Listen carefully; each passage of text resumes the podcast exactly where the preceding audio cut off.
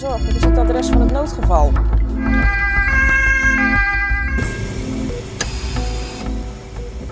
Zitten we weer, Jordi? Zo, daar zitten we dan, Jasper. Ja, Ja, ik, vind het wel leuk om te doen. Ik snap dat jij het normaal dit doet, maar eh, zo'n intro even een lekker beginnetje, toch? Ja, we moeten toch ergens beginnen. Moeten we Eh, ergens beginnen. Vandaag is eer aan jou. Precies, nou, hartstikke fijn. hey, eh, waar gaan we het vandaag over hebben, Jordi? Ja, vandaag eh, willen we het hebben over sepsis. Sepsis. Ja, dat Ja, is toch ja. wel wat lastiger dan we misschien de vorige aflevering gedaan hebben. Dus eh, we zullen het denk ik maar even goed definiëren voordat we erover gaan beginnen. En proberen iedereen goed mee te nemen in eh, het onderwerp van sepsis. Want eh wat is een beetje de definitie van sepsis, eh Jordi? Ja, sepsis is eigenlijk... eh, ja, je moet daarbij een ontsteking hebben of een infectie eigenlijk met een micro-organisme. En eh, daar worden mensen dan heel ziek van. eh. Dus eigenlijk als we het, ik zou zeggen, als we het gaan vertalen naar wat makkelijker Nederlands, zouden wij het een bloedvergiftiging noemen. ja, zo, zo zie ik het eigenlijk. zo wordt het in de volksmond eh, vaak Precies, genoemd. Een precies, bloedvergiftiging een inderdaad. bloedvergiftiging, inderdaad. En dat je ze noemt dan een ontsteking inderdaad, want dat is ook vaak wat er vooraf gaat, of wat er eigenlijk per definitie vooraf aan moet gaan. Zeker. Moeten we eens even strenger zijn. Eh inderdaad, voordat we over een sepsis mogen spreken, want inderdaad, uiteindelijk het echte probleem is dat er een bacterie bij iemand in het bloed zit. En die zorgt er eigenlijk zo eh, erg voor dat iemand heel erg ziek wordt. Daar gaan we het later over hebben hoe mensen eruit zien, maar die maken in ieder geval een erg zieke indruk. En nou, dat ze uiteindelijk daar eh, ja, toch heel veel klachten van kunnen ondervinden. En ook echt, echt heel ziek en levensbedreigend ziek kunnen zijn. En daar gaan we jullie eigenlijk nou eh, doorheen nemen deze aflevering. Ja, zeker. Heel ernstig ziektebeeld. En eh, heel belangrijk om dat vroeg te herkennen. En ik denk ook heel interessant om daar iets meer over te weten te komen voor de luisteraar. Denk ik ook. Inderdaad, het komt veel voor. Nou, daar gaan we daar ook even over hebben. Maar allereerst, om het even wat, allemaal wat duidelijker te maken, hebben we eigenlijk ook een casus voor jullie weer meegenomen. Dus weer een patiënt die misschien aan een sepsis gaat lijden, wie weet. Eh, maar om het even wat dat meer te illustreren, deze, deze bloedvergiftiging, eh, wat we inderdaad in het ziekenhuis een sepsis noemen. Zou je die kunnen introduceren voor ons, Jordi? Ja, precies. Wie weet wordt het een sepsis. Je, je weet het nooit natuurlijk. Het nooit. eh. maar eh, ik heb een casus meegenomen vanaf de spoedeisende hulp. En daar kwam meneer Amani bij ons binnen. En hij was ingestuurd door zijn huisarts. die vertrouwde de situatie niet helemaal. Een week geleden kwam hij bij de huisarts en was hij erg aan het hoesten. En hoestte hij daarbij ook heel veel slijm op. Nou, de huisarts had natuurlijk eerst eh, in deze tijden nog steeds een COVID-testje laten doen. Ja. Die, die was eh, negatief, dus het moest ergens anders aan liggen. Ja. Nu is meneer Amani, die klaagt niet zo snel, dus die komt niet zo snel bij de huisarts. En die is daarna ook weer naar huis gegaan met eh, de geruststelling. Maar het werd toch eigenlijk steeds erger en hij maakt nu ook wel een benauwde indruk bij de huisarts. En daarop heeft hij besloten om toch maar een ambulance te laten komen naar de praktijk en om meneer mee te laten nemen naar de spoedeisende hulp. En eh, daar komt hij dan binnen bij ons eh, en eh, we zien hem op de kamer. En wat, we eigenlijk, wat eigenlijk meteen opvalt als we binnenkomen is dat hij heel erg snel aan het ademhalen is en dat hij toch wel heel benauwd oogt. Daarbij hebben we natuurlijk goede verpleegkundigen altijd op de spoedeisende hulp, dus die hebben meteen een bloeddruk voor ons gemeten en die is eh, 85 over 45. Nou, met, met een beetje medische kennis kunnen we wel zeggen dat dat heel laag is, want wat zou je een normale bloeddruk eh, zou je verwachten? Ja, ik zou, nou, het is een wat oudere man. Eh, we zouden, in het boekje zou staan 120, 80. Dus dat een beetje de mooie definitie is van een goede bloeddruk. Bij een iets oudere man zou je hem al iets hoger verwachten. Misschien 130, 140 aantikkende. Eh, maar dit is wel erg laag. Dat hoor je natuurlijk aan de getallen die ik, die ik noem. Dat dit wel zorgwekkend laag is. Eigenlijk onder de 90, bovendruk. Gaan we ons toch wel een beetje zorgen maken, zou ik zeggen. Ja, zeker toen, als je deze man ziet, dan maak je ook echt een zieke indruk. Dus het is wel echt een patiënt om je zorgen over te maken, inderdaad. Nou gaat het natuurlijk, deze podcast eh, gaat over sepsis. We hebben het net al proberen een beetje te introduceren.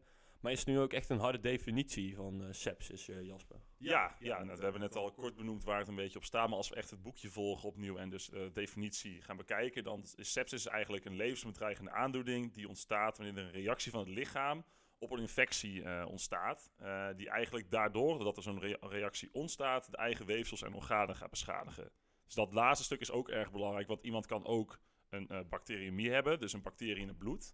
Eh, dat is, zou je zeggen, ook, eh, dus dat komt in de buurt heel erg van een sepsis, maar echt die reactie van het lichaam, waardoor je dus ook eigen weefsels en organen gaat beschadigen. Dat is juist wat die sepsis anders maakt dan een, een letterlijke bloedvergiftiging, waarbij dus een bacterie in het bloed zit. Dit is nog een stapje erger eigenlijk. Ja, precies. Het is heel goed om dat onderscheid te maken, inderdaad. Dus vooral eh, dat, eh, dat die weefsels eh, en organen schade gaan krijgen, dat is echt gevaarlijk bij dit ziektebeeld. Eigenlijk op de voorgrond staat een beetje die infectie. Dus dan denk ik dat ik voel ik al aankomen wat misschien de hoofdklacht kan zijn. Ja, wat dan daarop wel op plek 1 staat natuurlijk bij een infectie is wel koorts.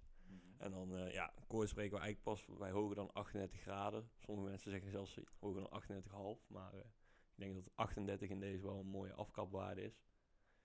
Of eh, soms hebben mensen juist een hele lage temperatuur, eh, minder dan 36 graden. En dat kan ook nog wel een teken zijn van een, een sepsis.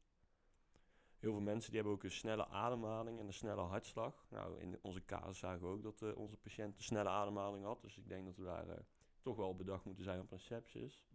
En wat is dan een snelle ademhaling? Dat is meer dan 22 keer per minuut. Als je gewoon rustig in bed ligt bijvoorbeeld. Zo'n snelle hartslag, ja, dat is dan meer dan 90 of meer dan 100 keer per minuut. Beetje in die orde van grootte. Vaak zijn mensen die septisch zijn of septisch aan het worden zijn, die zijn een beetje slaperig, verward of suf. Dus eh, ja, dat, dat brein werkt niet meer helemaal goed. En hoe dat komt, uh, daar zullen we straks iets dieper op ingaan. Mensen zien bleek. Je kan je wel voorstellen, als je echt last, uh, als je echt ziek bent, dan zie je jezelf ook al bleek. Ja, heel veel mensen die hebben ook gewoon pijn over het hele lichaam, spierpijn. Denk maar als je een flinke griep te pakken hebt, dan heb je daar ook gewoon last van. Ja, en dan heb je nog de klachten van de besmetting zelf. Zeg maar, de verwekker is altijd, uh, komt altijd van één plek af. Dus het is nooit dat een infectie begint in de bloedbaan, maar het moet ergens vandaan komen. Het kan bijvoorbeeld uh, vanaf je urine weg zijn of vanaf je longen. Denk aan dat soort dingen. Nou, als het bijvoorbeeld vanaf je longen komt, dan kun je wel last hebben van benauwdheid en hoesten. Nou, laat dat nou toevallig uh, in onze casus toch wel op de voorgrond staan. Ja, ik voel hem al een beetje aankomen hoor. Ik denk, ik denk dat we toch wel een beetje richting uh, sep septische patiënt aan het gaan zijn. En dat het toch wel vanaf de longen zou kunnen komen. Maar denk ook bijvoorbeeld als het een andere orgaan ligt, dat je heel misselijk kan zijn of kan overgeven. Dat je geen zin hebt in eten. Of dat uh, je pijn bij de plassen hebt bijvoorbeeld. Dat soort dingen. Maar we hebben het nu wel de hele tijd over, seps, over sepsis. En we zeggen wel dat iedereen dat moet kennen. Maar hoe vaak komt dat eigenlijk voor, Jasper, zo'n sepsis? Ja, dat is eigenlijk wel een goede vraag. Dat geeft ons natuurlijk ook een stukje context over waar we het over hebben. Um, nou, als we gewoon even simpelweg kijken naar de incidentie. Dus dat is dan hoeveel mensen per jaar eigenlijk uh, nieuwe presentaties ermee komen. Dan hebben we het over binnen Nederland 13.000 patiënten per jaar. Dat is wel echt een dat flink vind aantal. ik een heel flink Dat aantal, een- inderdaad. Precies, een flink aantal. En wat misschien nog meer doet schrikken naast het grote aantal, is dat ervan eigenlijk ongeveer een derde, dus in dit geval 3500 om precies te zijn, overlijden daarvan ook. Dus je ziet wel als je echt in een septisch eh, probleem komt te zitten, in, die, in, dat, in dat ziektebeeld, op dat spectrum, eh, tot je dan wel echt een probleem hebt en tot het dus wel echt goed is om dit überhaupt te herkennen, maar ook dus de behandelingen van, eh, waar we het later op gaan hebben, ook te kennen. Ja, precies. Ja, dat is echt een heel hoog getal. dat een derde van de mensen die dit ziektebeeld heeft daaraan komt overlijden. Dus heel goed inderdaad dat we het snel kunnen herkennen. Nou, zo'n sepsis dat is natuurlijk niet van het een op het andere moment ontwikkeld. Dat heeft ook verschillende stappen. En dat noemen we de pathogenese. En eh, wat voor stappen we eigenlijk moeten doorlopen bij een sepsis zijn de infectie zelf. Dus eh, dat de bacterie bijvoorbeeld in onze longen of in onze darmen of in onze urinewegen komt. Daarna hebben we een SIRS. Daar gaan we hierna even heel uitgebreid over hebben wat dat is. Dan komen we bij onze sepsis, waar we het eh, de hele aflevering over hebben. Maar daar zijn verschillende gradaties in. Dus je begint bij een sepsis. Daarna krijg je een severe sepsis. Dus dat het echt ernstig aan het worden is. En dan het allerergste wat je kan hebben eigenlijk in dit ziektebeeld is een septische shock. En daar komen we op het einde van de podcast ook nog op terug. Precies, het, shock, het shockwoord weer, daar komen we vaker op terug. Maar Ja. eh, het is een algemene leidraad in onze podcast heen. Maar het is opnieuw dus een heel serieus probleem. Als je daar eh, eenmaal terechtkomt, dan moeten we echt heel serieus en snel ingrijpen. Ja, zeker de rode draad van onze podcast. Dus eh, ik hoop dat mensen in de gaten hebben hoe serieus zo'n shock kan zijn. En dat daar dus ook eh, heel goed op gelet moet worden. En wat dus heel belangrijk is bij sepsis, er moet eerst sprake zijn van een ontsteking.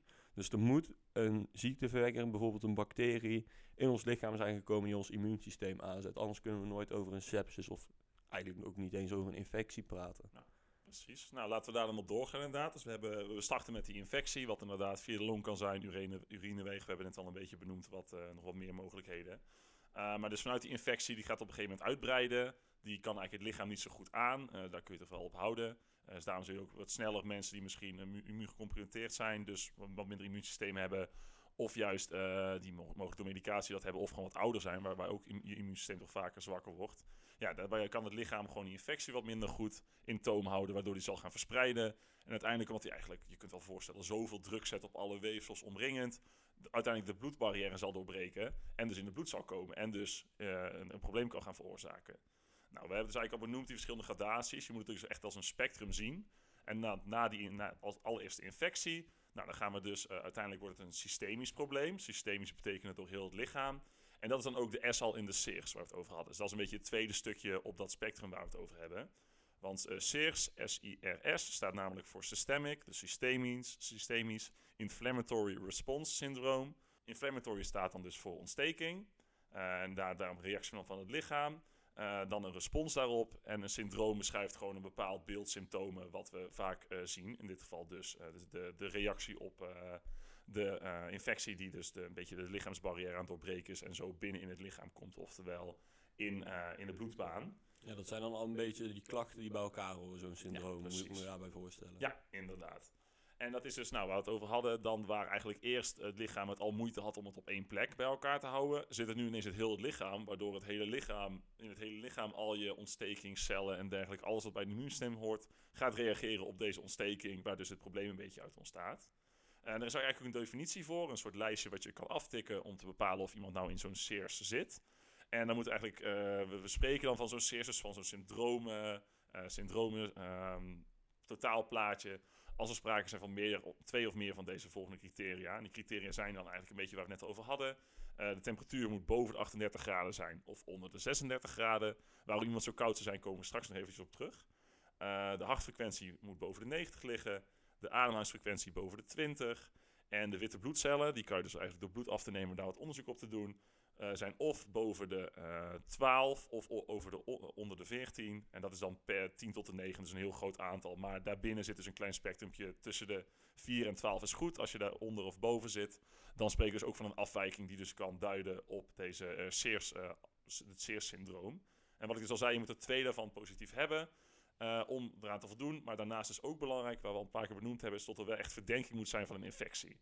Want dit kan dus ook bepaalde afwijkingen. Denk bijvoorbeeld als je heel hard gaat rennen, ja, dan gaat ook je ademhaling hoog zijn. Dan gaat ook je hartfrequentie hoog zijn. Maar dan heb je dus, is geen sprake van SIRS. Dan zit je niet op dat spectrum van, van, uh, van sepsis. Dus er moet echt uh, verdenking op een infectie zijn, die dus mogelijk dit heeft kunnen veroorzaken. Um, en ja, vanuit daar moet het logisch kunnen volgen dat iemand dus op dit spectrum zit. Ja, precies. Anders denk ik, uh, ja, wij zitten natuurlijk hier in Rotterdam. Ik denk dat anders uh, alle marathonlopers die hier uh, voorbij komen over een paar weken, dat die daar allemaal last van hebben van CIS. Dus heel ja, goed om dat aspect nog even goed te benoemen, dat, ja. dat er echt sprake moet zijn van een infectie. Of dat je daar in ieder geval echt aan moet denken. Ja, en dan hebben we dus die SIRS, maar de volgende stap op de ladder is dan van, is er sprake van sepsis? We hebben al bepaald van, er is dus een score hoe je SIRS kan berekenen. Maar er is ook een score waarmee je kan berekenen of je patiënt aan sepsis lijdt. En je kan daarmee zelfs de kans op overlijden aan sepsis berekenen. Hoe meer criteria van deze score positief zijn, hoe meer kans er is op overlijden. In die score, uh, dat noemen we de SOFA-score, die staat voor Sequential Organ Failure Assessment. En uh, we kijken bij deze, bij deze schaal eigenlijk naar zes orgaanfuncties om te kijken of er sprake is van sepsis en om te bekijken hoe ernstig die sepsis dan is. Ja, precies. Want een beetje daarop terug, we, als we terugkijken naar die originele definitie van sepsis, dan was het dus heel erg gefocust op die orgaansystemen die het doen.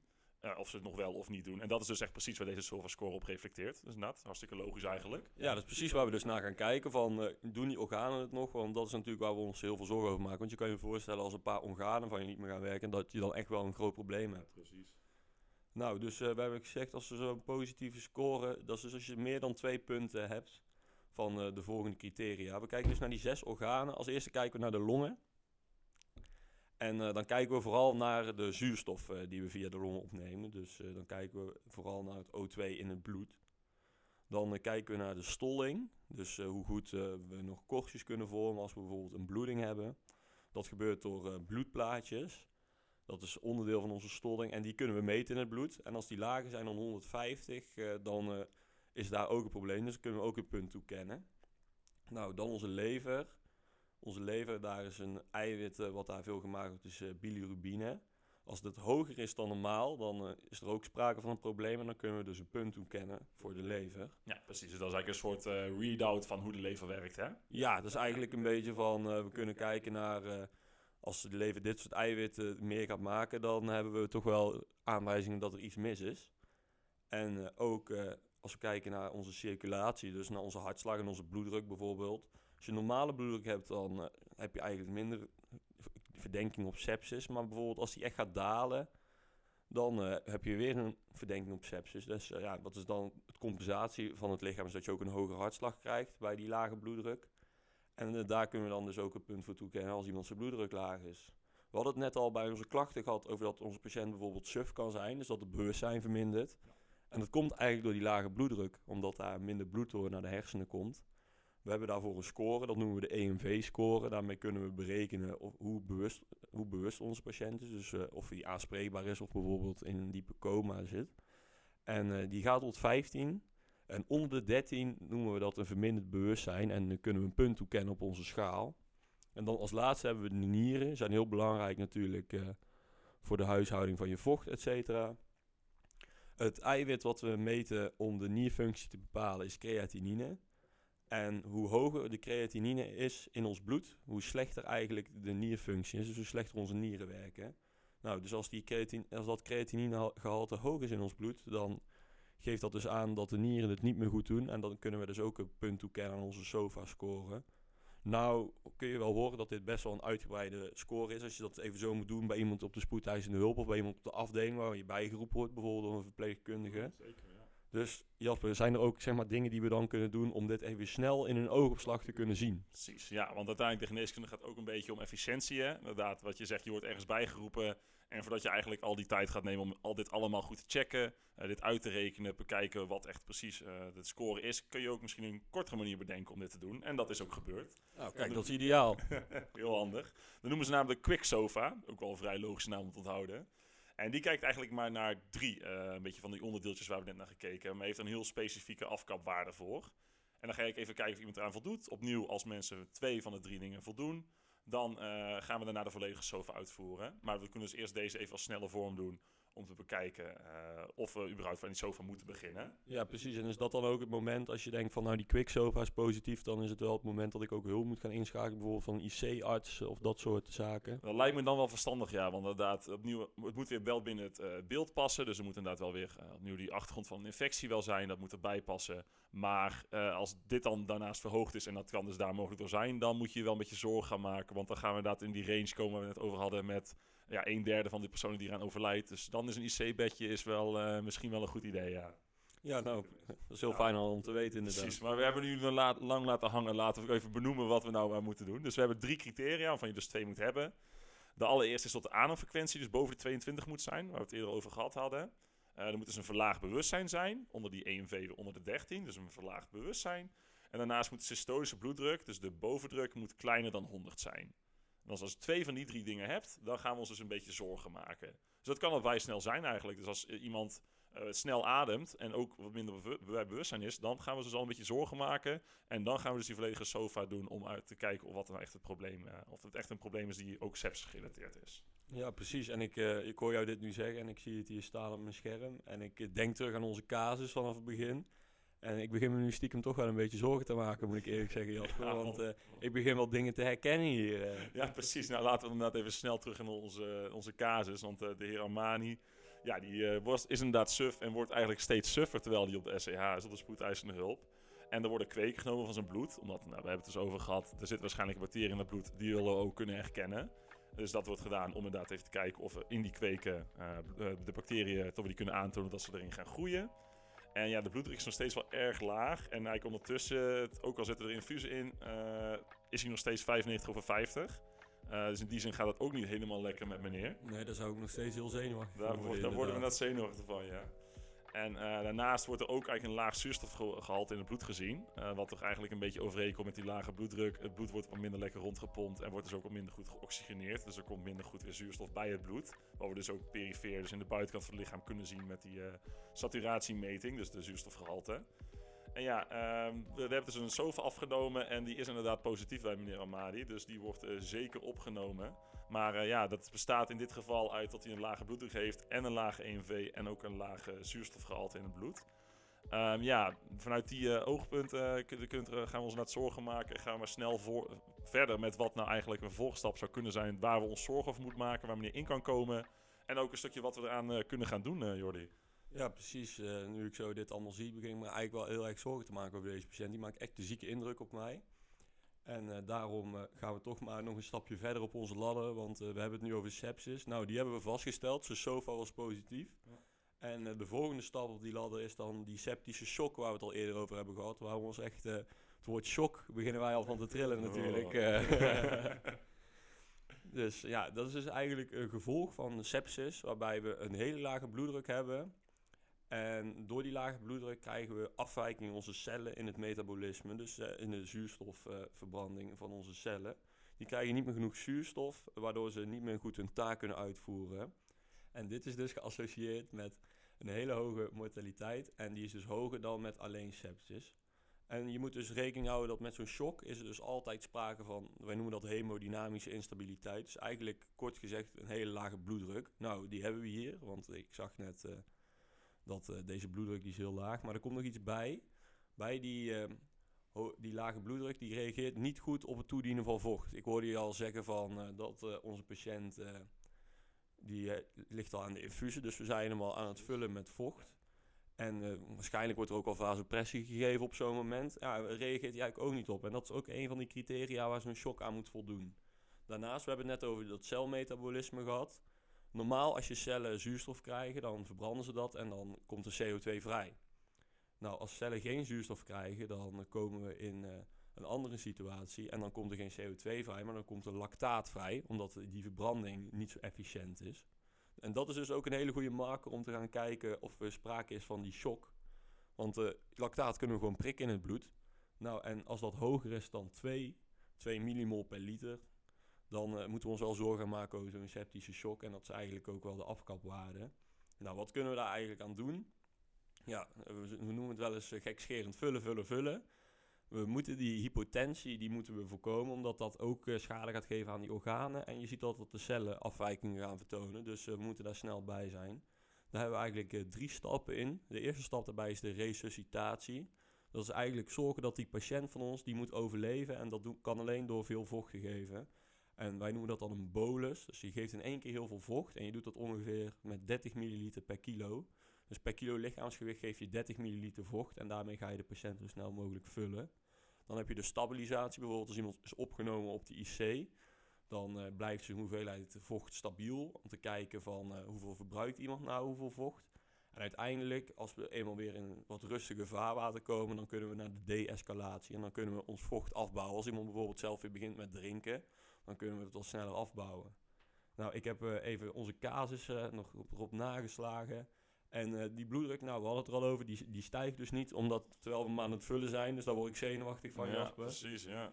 En ik heb heel even in ons uh, elektronisch patiëntendossier gekeken naar het lactaat. En uh, daar word, word ik toch wel bang van, want dat is 5 millimol per liter. Dat is wel ver over die twee, ja. Dat, dat is zeker over die twee. Dus ja, wat we eigenlijk kunnen concluderen is, er is sprake van een septische shock. En daar moeten we dus iets aan gaan doen. En zo'n, bij zo'n sepsis, dan hebben we het er net al over gehad, er moet best wel veel gebeuren. Het is best wel uh, lastig. Maar er is eigenlijk best wel een simpele regel van uh, wat we moeten doen en uh, wat we moeten nemen van de patiënt om te kijken hoe we aan die diagnose kunnen komen. En heb je daar een ezelsbreukje voor, Jasper? Ja, die is er toevallig inderdaad. Dat heb je heel mooi opgezet voor mij. ja, die heet eigenlijk de Sepsis 6. En dat komt een beetje uit het Engels, maar dat maakt het wel lekker vloeiend uit de mond komend, de Sepsis 6. En het gaat eigenlijk om dat je drie dingen wil geven aan deze patiënten en drie dingen wilt nemen van deze patiënten. Het is ook makkelijk te onthouden op die manier. Laten we eerst even beginnen met wat we willen nemen. Nou, eentje ervan hebben we al gedaan. Dat is namelijk het lactaat. En lactaat, zoals we net eens over hadden, is dus een soort van readout voor ons. Dus hoe we kunnen uitlezen uh, hoe zuur iemand is, hoe, hoe, hoe, wat voor een zuurstoftekort diegene eigenlijk heeft. Want wat, wat Jordi net al mooi zei, is dat in dit geval mensen uh, te weinig zuurstofaanbod hebben in de cellen die ze hebben in hun lichaam. Waardoor die cellen over gaan schakelen op eigenlijk zuurproductie om toch maar hun energie te kunnen komen om te overleven. Waardoor de zuur in het bloed afgezet zal worden. Waardoor ja, die lactaat, dus het, iemand ook steeds zuurder zal worden. En dit is ook voor ons te lezen uh, zal zijn. Uh, daarnaast zijn we heel erg benieuwd naar wat eigenlijk ook al benieuwd, benoemd werd over hoeveel uh, iemand nog plast eigenlijk. Gewoon de urine-output noemen we dat dan. Puur omdat, ja, als iemand inderdaad zo weinig, zo'n lage bloeddruk heeft, zo weinig extra vocht heeft, zal op een gegeven moment zullen de nieren ook denken van ja, dit gaat niet zo goed hier, we, we, we stoppen maar even met plassen, want we kunnen al het vocht wat we hebben, kunnen we gebruiken. Dus dat geeft voor ons ook een idee wat, wat, iemand zijn, ja, wat iemand nog een beetje over heeft. Uh, hoe goed het met iemand gaat. En daarnaast kunnen we dit ook eventueel op kweek zetten. Dat is zeker wanneer het een urine, urineweginfectie is, kan het heel relevant zijn om te vinden wat nou precies dit allemaal veroorzaakt. Wat weer een invloed heeft op de behandeling die we gaan inzetten. Daarnaast, wat we ook al eerder benoemd hadden, wat bij de meneer ook heel snel gebeurd is, is een bloedkweek afgenomen. Eh, wat we eerder ook al gezegd hadden, we willen dus weten wat de verwekker is. Zeker datgene wat in, het, wat in het bloed zit, want dat is dus hetgene wat echt het probleem veroorzaakt. En door hier wat bloed van af te nemen, dus op kweek te zetten, dus te laten groeien ergens in een laboratorium, kunnen we erachter komen wat het is. En opnieuw kunnen we daarmee onze behandeling zo goed mogelijk instellen. Dus dat zijn de drie dingen die we nemen. Nou, we hebben het over gehad dat we drie dingen willen nemen. Maar we willen ook drie dingen geven, wat ik net al benoemde. En uh, ik heb het best in die volgorde gedaan, omdat het eigenlijk heel relevant is wat we willen geven. Dat we het eerst iets moeten nemen. Uh, dat klinkt nu een beetje vaag. Wat ik bedoel is, is dat we allereerst een bloedkweek willen afnemen. Want we willen weten, wat ik net al zei, wat die verwekker is, omdat we daarop uh, willen gaan behandelen. En dat gaan we dus doen door het geven van, van, antibiotica, wat ook echt de definitieve behandeling is. Als wat we tot dusver gezegd hebben met vullen, is een soort overbrugging totdat die antibiotica gaat inwerken. Want we zullen het lichaam kan er blijkbaar niet eens een eentje aan. En we zullen het lichaam dus een stukje moeten helpen door die bacterie zelf af te gaan breken met de uh, antibiotica die we geven. Uh, wat dus belangrijk is, wat ik al aangeef, is dat je eerst een kweek wil nemen. Want anders als je antibiotica geeft, die begin je dan heel breed mee. Dan is misschien al je verwekker niet meer te kweken. En dan weet je eigenlijk niet waar je uiteindelijk op moet gaan richten. Dus het is goed om daar, om daar eerst even iets af te nemen voordat je dat gaat geven. Want anders dan wordt het misschien een beetje lastig om te gaan herkennen wat je nou wil gaan aanvallen. Uh, daarnaast zullen we zuurstof geven, want we hadden het al over gehad. De saturatie van iemand, dus het uh, zuurstofgehalte in het bloed van, van zo iemand kan erg laag zijn. En moet dus ook extra helpen om dit gewoon op peil te krijgen. Want uiteindelijk hebben de cellen een zuurstoftekort. En door misschien het lichaam een stukje te een handje te kunnen gaan helpen, kunnen we dit een beetje beter maken. En als laatste, wat we ook al benoemd hebben, we gaan dus heel veel vocht geven. Juist omdat iemand uh, opnieuw zijn vaatbed heel erg open gaat staan. Eigenlijk iets wat we vorige keer ook over met het uh, neurogene shock over gehad hebben. Is hier ook een soort van sprake van. Ja, door heel veel vocht te geven zal iemand zijn bloeddruk beter worden. En zal het hart ook weer beter bloed rond kunnen gaan pompen. Dat er eigenlijk genoeg druk achter zit. En zo zal dan zuurstof beter vervoerd kunnen worden door het, door het lichaam heen. Dus dat zijn eigenlijk de drie dingen die we willen geven. En de drie dingen die we willen nemen. Ja, en uh, we hebben het nu een klein beetje gehad over die behandeling van sepsis. En eigenlijk samenvattend bestaat het dus uit twee dingen. Je wil dus die infectie behandelen, dat is de source control. En die infectie wil je dus behandelen. En dan begin je met een antibiotica, wat heel veel bacteriën doodt. Dus wat een breed spectrum heeft, noemen we dat. Dus die heeft heel veel verschillende ziekteverwekkers die die kan opruimen. -hmm. En door die kweken komen we erachter welke bacterie het is die onze patiënt zo ziek maakt. En kunnen we dus een antibiotica nemen dat daar speciaal op richt. En dit werkt heel goed tegen de resistentie, omdat we anders uh, bacteriën resistent gaan maken als we iedereen maar met dezelfde antibiotica blijven behandelen. En dan als tweede willen we dus die falende organen gaan ondersteunen. En dat doen we dus door de perfusie van die organen voldoende te maken. En voldoende zuurstof daaraan toe te voegen. Dus, dus een beetje die doorbloeding bedoel je dan, hè, met ja, de perfusie. Ja. ja, dus we willen die doorbloeding verbeteren en we willen zuurstof geven, waar we het al over hebben gehad in de sepsis 6. En dus denk ook bijvoorbeeld aan zo'n behandeling op een IC. Bijvoorbeeld als je nieren het echt niet meer doen uh, na zo'n uh, sepsis, dan kan dat op de IC tijdelijk overbrugd worden bijvoorbeeld. Of uh, denk aan een beademing van een patiënt als je longen het even begeven onder de sepsis. Dus dat is wel belangrijk om te bedenken. En dat bestaat dus uit twee dingen. Nou, in deze casus gaan we dus verder. We hebben, er is dus sprake van zo'n septische shock. De bloedkweken zijn afgenomen en we bestarten eigenlijk met zo'n breed spectrum antibiotica. In dit geval is dat cefuroxim. En uh, daarna hebben we de heer uh, eigenlijk naar de IC gebracht, waar die verder bewaakt werd en uh, ze een verdere behandeling kreeg. Dus die ondersteuning van die organen. En na een dag of twee zijn de kweken bekend en kunnen we overstappen naar amoxicilline als antibiotica. Dat is eigenlijk iets smaller, dus dan zetten we iets meer op de verwekker zelf. En eigenlijk knapte de heer met de dag wel op en na ongeveer drie weken in het ziekenhuis is hij nu thuis aan het revalideren. Want je kan je voorstellen, zo'n opname van een paar weken en vooral zo'n IC-opname. Maar ook zeker zo'n infectie met een sepsis. Uh, dat is wel echt een aanslag op je lichaam, ja, kan ik uh, me voorstellen. Ja, precies. Ja, ik denk dat ook dat het een mooie conclusie is van het verhaal. Juist omdat wanneer je zo'n sepsis vroeg herkent en je dus ervoor zorgt dat die organen niet al te hard geraakt worden door dat probleem van te weinig zuurstof krijgen. Dat als iemand nog echt goed te redden is door diegene te vullen en te zorgen dat dus die perfusie, dus door bloeding van de organen, weer goed op peil komt. Dit is ook echt iemand waar, waar je eigenlijk iemand redelijk kan redden door er gewoon vroeg bij te zijn. Uh, en vooral iemand goed te ondersteunen tot je op een gegeven moment dus het lichaam een handje kan helpen. Wat wel eventjes duurt voordat die, uh, voordat die antibiotica echt gaat inwerken. Maar dus vooral die overbrugging en iemand zo goed mogelijk houden echt heel belangrijk is. En je daar iemand ja, echt zijn leven mee kan redden. Ja, inderdaad. Ik denk uh, inderdaad dat we deze casus zien we heel mooi ook de keten van zorg terug. Een oplettende huisarts die toch iemand uh, instuurt naar het ziekenhuis. En daar werd heel snel gestart uh, met een behandeling. En dat heeft deze patiënt wel gered, inderdaad. Ja. Nou, we hebben het over heel veel gehad vandaag, Jasper weer. Het is weer een lange podcast geweest. heel verschillende dingen. Zou jij nog één keer voor onze luisteraars kunnen samenvatten eh, wat Ja. we allemaal geleerd hebben? Yes, gaan we inderdaad even doen. Nou, we hebben het dus over sepsis gehad. Iets wat dus heel goed is om eigenlijk van bewust te zijn wat het is en hoe je het kunt herkennen. Nou, allereerst de definitie. Sepsis is dus een levensbedreigende aandoening die ontstaat wanneer de reactie van het lichaam op een infectie de eigen weefsels en organen gaat beschadigen. Nou, waar kunnen we het nou een beetje aan herkennen? Ja, het is dus infecties op de voorgrond. Dus koorts is zeker een ding, al kan iemand ook afgekoeld zijn, juist doordat al die vaten open gaan staan. Eh, iemand, kan, iemand zal een behoorlijk zieke indruk maken en eh, zal een versnelde ademhaling hebben onder wat andere dingen. Eh, daarnaast bestaat sepsis uit een spectrum, waar infectie eigenlijk aan de linkerkant staat, want er moet sprake zijn van een infectie. Waarna je over kan gaan op een SEERS, dus een bepaald syndroom met wat dingen die je kunt herkennen.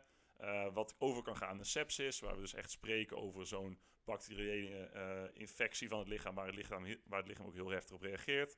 Waarna iemand uiteindelijk zelfs in een septische shock kan komen, waarbij dus alle bloedvaten eigenlijk open gaan staan en je heel veel problemen gaat ervaren en een zuurstof, eh, zuurstof eigenlijk gaat komen in het lichaam.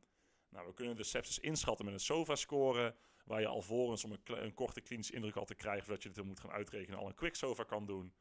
Uh, uiteindelijk willen we diegene, als iemand echt in de sepsis zit, willen we drie dingen geven en willen we drie, drie dingen van ze nemen. Namelijk, we willen antibiotica geven, zuurstof geven en vocht geven, dus iemand vullen. We willen lactaat afnemen, de urine bekijken en mogelijk kweken. En het bloed kweken al voordat we eh, antibiotica toegediend hebben. En uh, ja, dat is eigenlijk zo'n beetje de behandeling. Mocht iemand echt in shock komen, dan is vooral het vullen staat op de voorgrond. En uiteindelijk is eigenlijk de eindbehandeling is dus die antibiotica. Maar dat moeten we wel overbruggen door iemand dus te gaan vullen. Ja, heel goed. En dan uh, denk ik uh, dat we het zo heel mooi hebben samengevat. Ja, ik denk het ook. Dan hopen we dat jullie deze week uh, weer veel plezier bij het luisteren hebben gehad. En zoals we altijd zeggen, houden we. we.